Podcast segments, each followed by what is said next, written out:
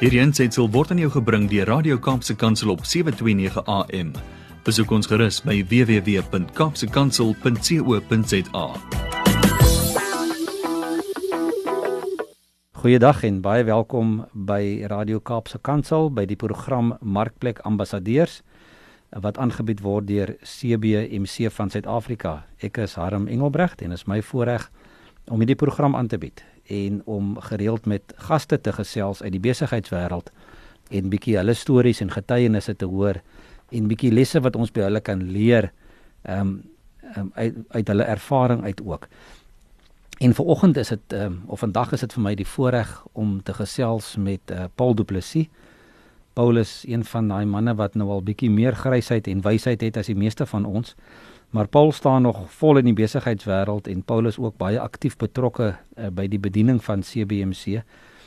En ehm um, ek wil hom graag aan julle aan julle bekendstel en dan 'n bietjie met hom gesels vandag oor sy ervarings en sy reis uh, wat hy met die Here ehm um, so ver geloop het. Paul, baie welkom by ons. Baie dankie, dit is 'n voorreg om by julle aan te sluit. Paul, dankie dat jy die die tyd maak om te gesels. Ek weet in hierdie tyd is dit ehm um, man het 'n paar maande nie jou besigheid kon oopmaak nie en nou moet jy 20 minute afstaan om om bietjie te gesels met mense oor jou verhouding met die Here. Maar ek weet dis iets wat jou baie naby aan die hart lê en jy's altyd bereid om om te gesels en en en jou getuienis te deel want ons wil tog nie hê dat ander manne dieselfde foute moet maak nie of hoe. Ja, nee, dit is beslis so ek hoor wat jy sê. Ek dink uh, na hierdie COVID situasie is daar baie mense wat in besigheid uh, radeloos en moedeloos is en uh, wat nie weet watter kant om te hardloop nie en dan voel ek jammer vir die mense wat nie iets het om aan vas te hou nie. Maar uh, ja, tyd is 'n is 'n kosbare kommoditeit in almal van ons se lewens en uh, ons moet uh, die beste daarvan maak, maar dit is ek dink dit is nodig dat mense oor hierdie goed kan praat want ek dink ons lewe in tye waar baie mense uh, redelik aangewese is op iemand anders om vir hom 'n beter boodskap te bring of 'n bietjie moed in te praat of uh, die tipe van goed. So ja, nee, dis 'n voorreg. Paul, kom ons begin um, by die begin met jou grootword jare ehm um, waar daai klein kalfvoetseentjie begin ehm um, groot geword, skool gegaan, ek het jou pad geloop. Ehm um, kom ons begin sommer gou daarso. Ja, dit was, was werklik 'n uh, kalfvoetseentjie geweest. Ek is uh, basies op 'n plaas daar in Simonium naby Groot Drakensberg op 'n wingerplaas groot geword. Kalfvoet skoor toe hardloop en uh, ja, dit was uh, regte plaaskind geweest.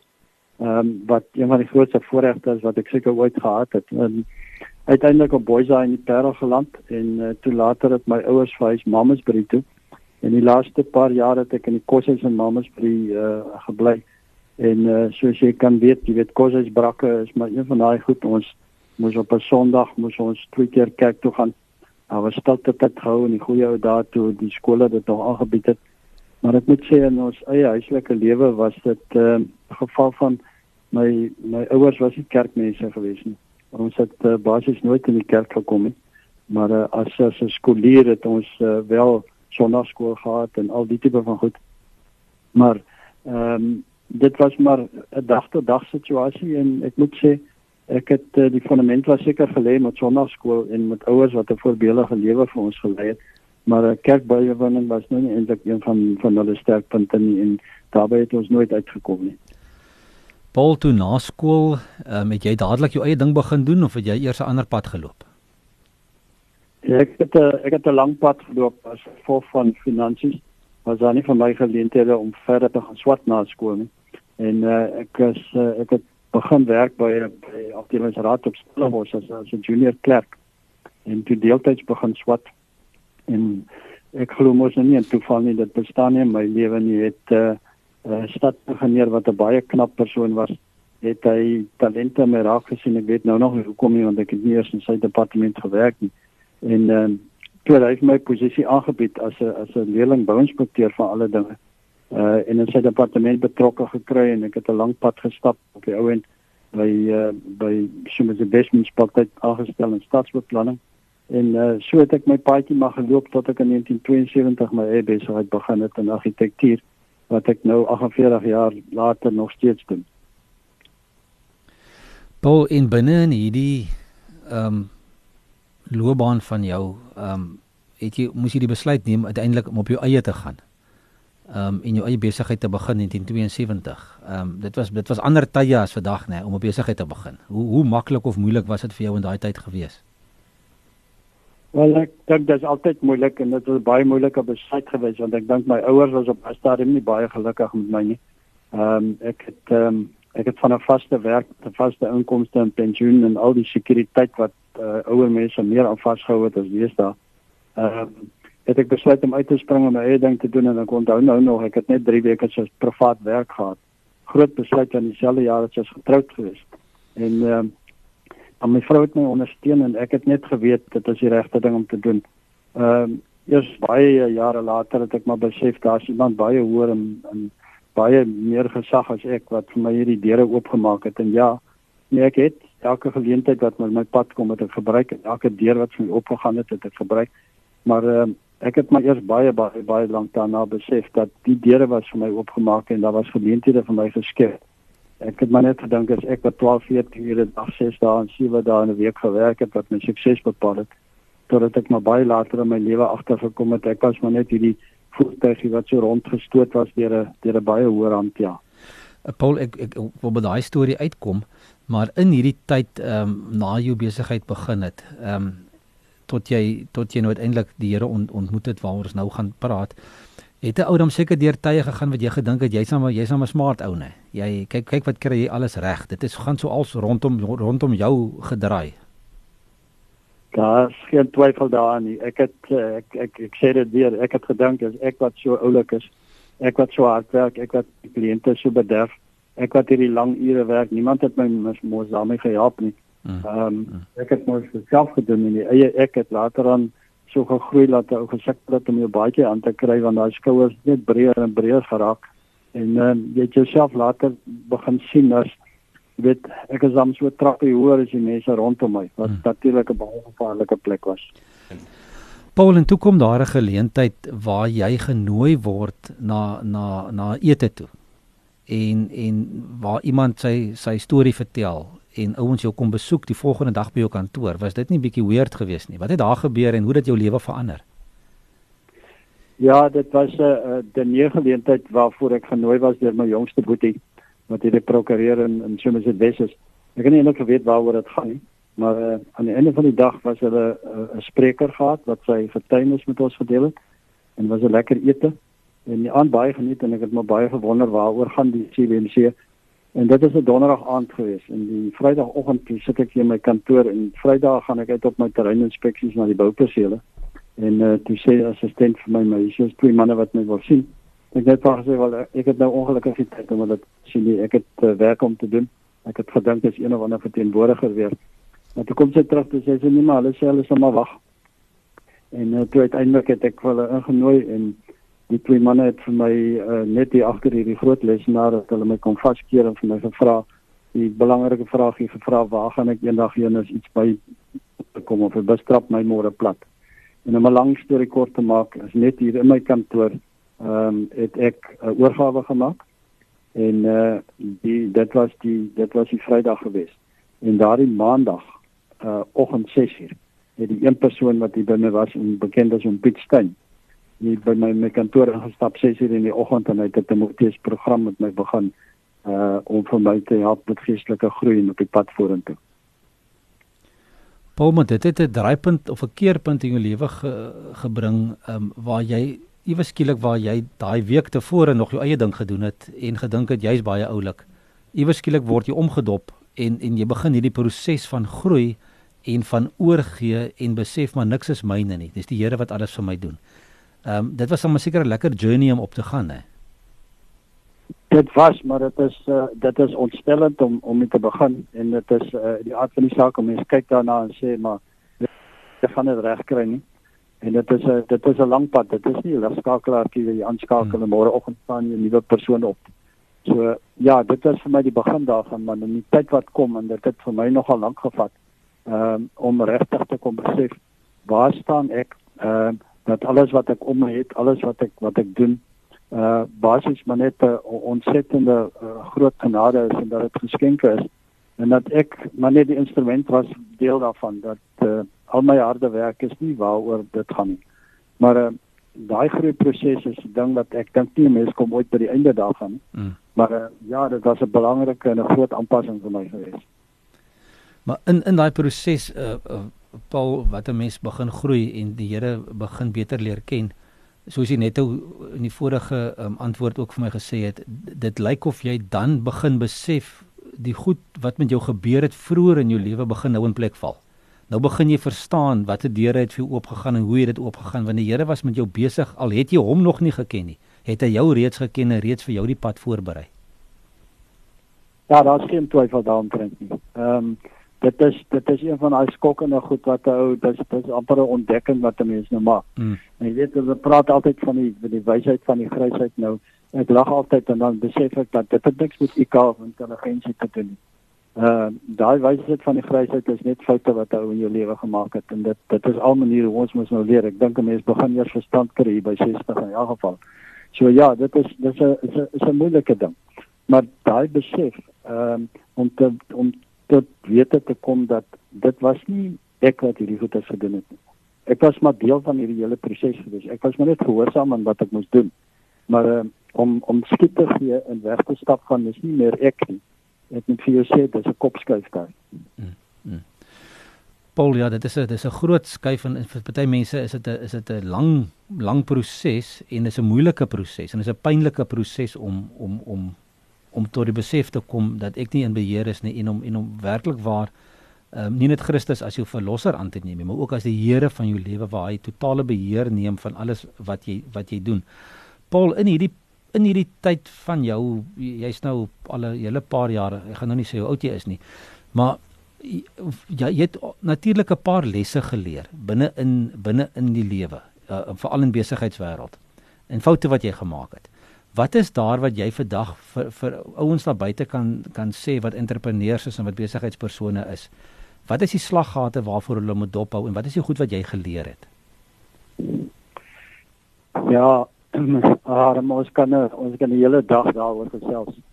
Ek dink die grootste slaggat uh, wat wat ons as mans en ek ek dink ons moet aanvaar dis ons kultuur of dit was in die tyd wat ek groot geword het dat uh, jy as man moet verantwoordelikheid aanvaar. Jy moet jy moet jou priester en profeet in die huis wees. Jy moet voorstap. Jy moet die voorbeeld stel. Jy moet al hierdie goeders doen.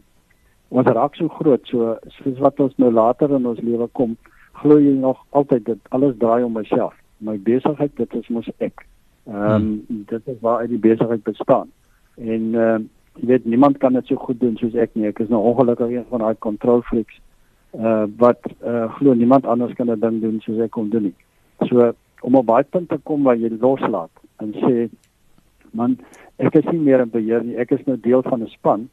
Ek moet vir jou sê dit kom vir die meeste mans kom dit nie maklik nie. Ons is ons is maar so gemaak en so laat staan dat die ego ongelukkig speel so 'n groot rol in ons lewens.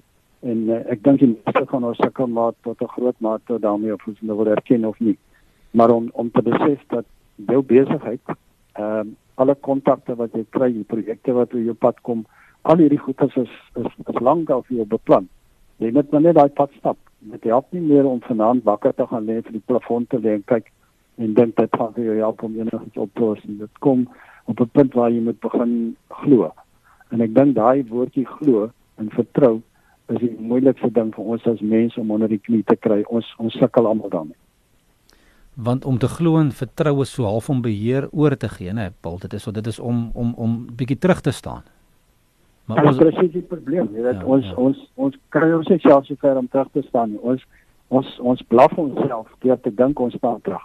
Ons wil so half in die agtergrond beweeg, maar as jy goed in die regte rigting beweeg, wil ons nog steeds ons eie ding gaan doen en myself ons eie plannetjies volg tot alles platval en jy niks het om aan vas te hou nie en al jou vriende se raad en almal se tydskrifte wat jy lees en al die goed niks help nie nie dis wanneer jy besef daar is net een oplossing en dit is om vas te hou aan dit wat ewigheidswaarde het En die man wat so met ons gesels vandag is Paul Du Plessis. Hy's 'n argitek daar van die ehm um, Somerset Wes omgewing.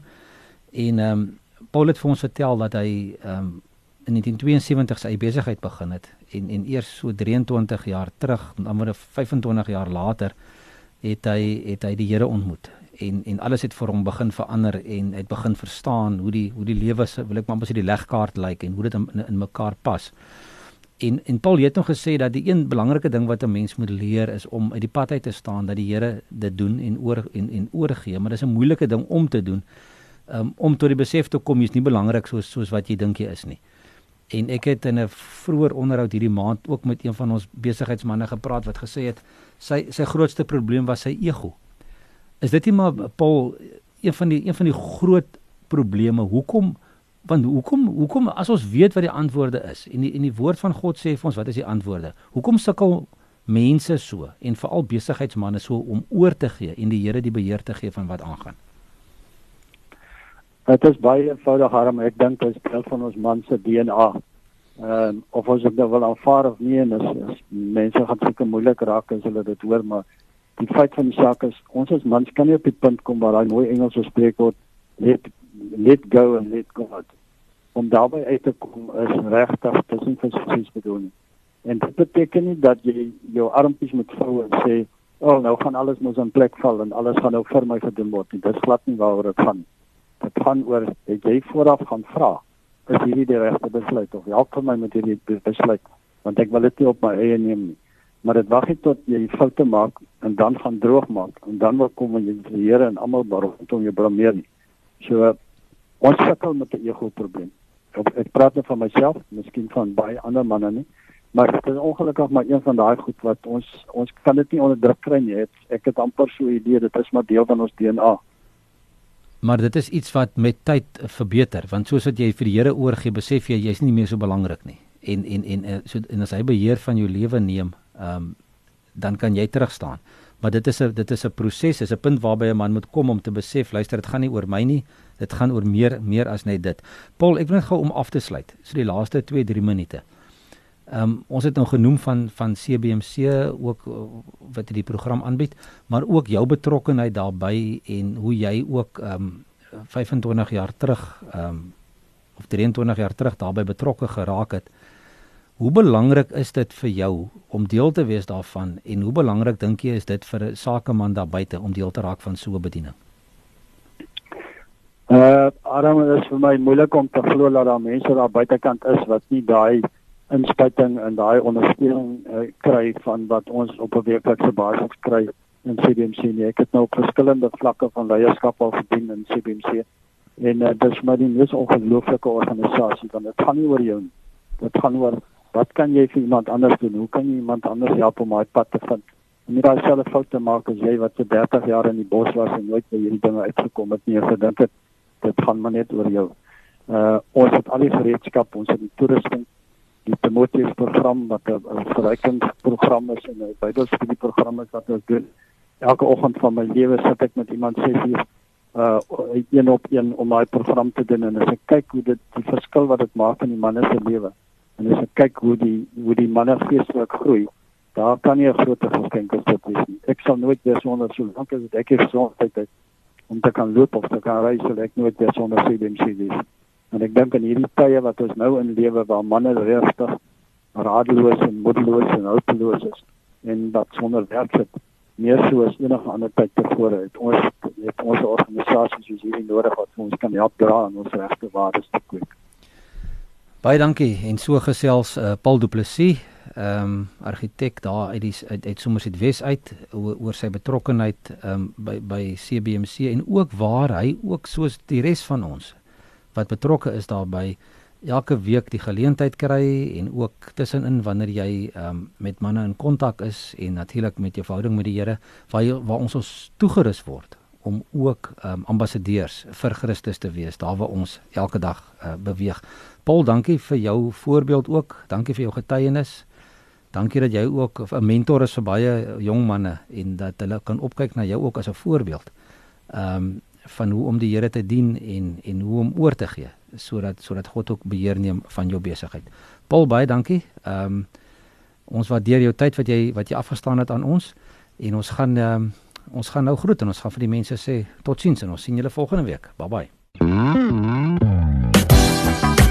Hierdie ensitsel is aan jou gebring deur Radio Kaapse Kansel op 729 AM. Besoek ons gerus op www.kaapsekansel.co.za.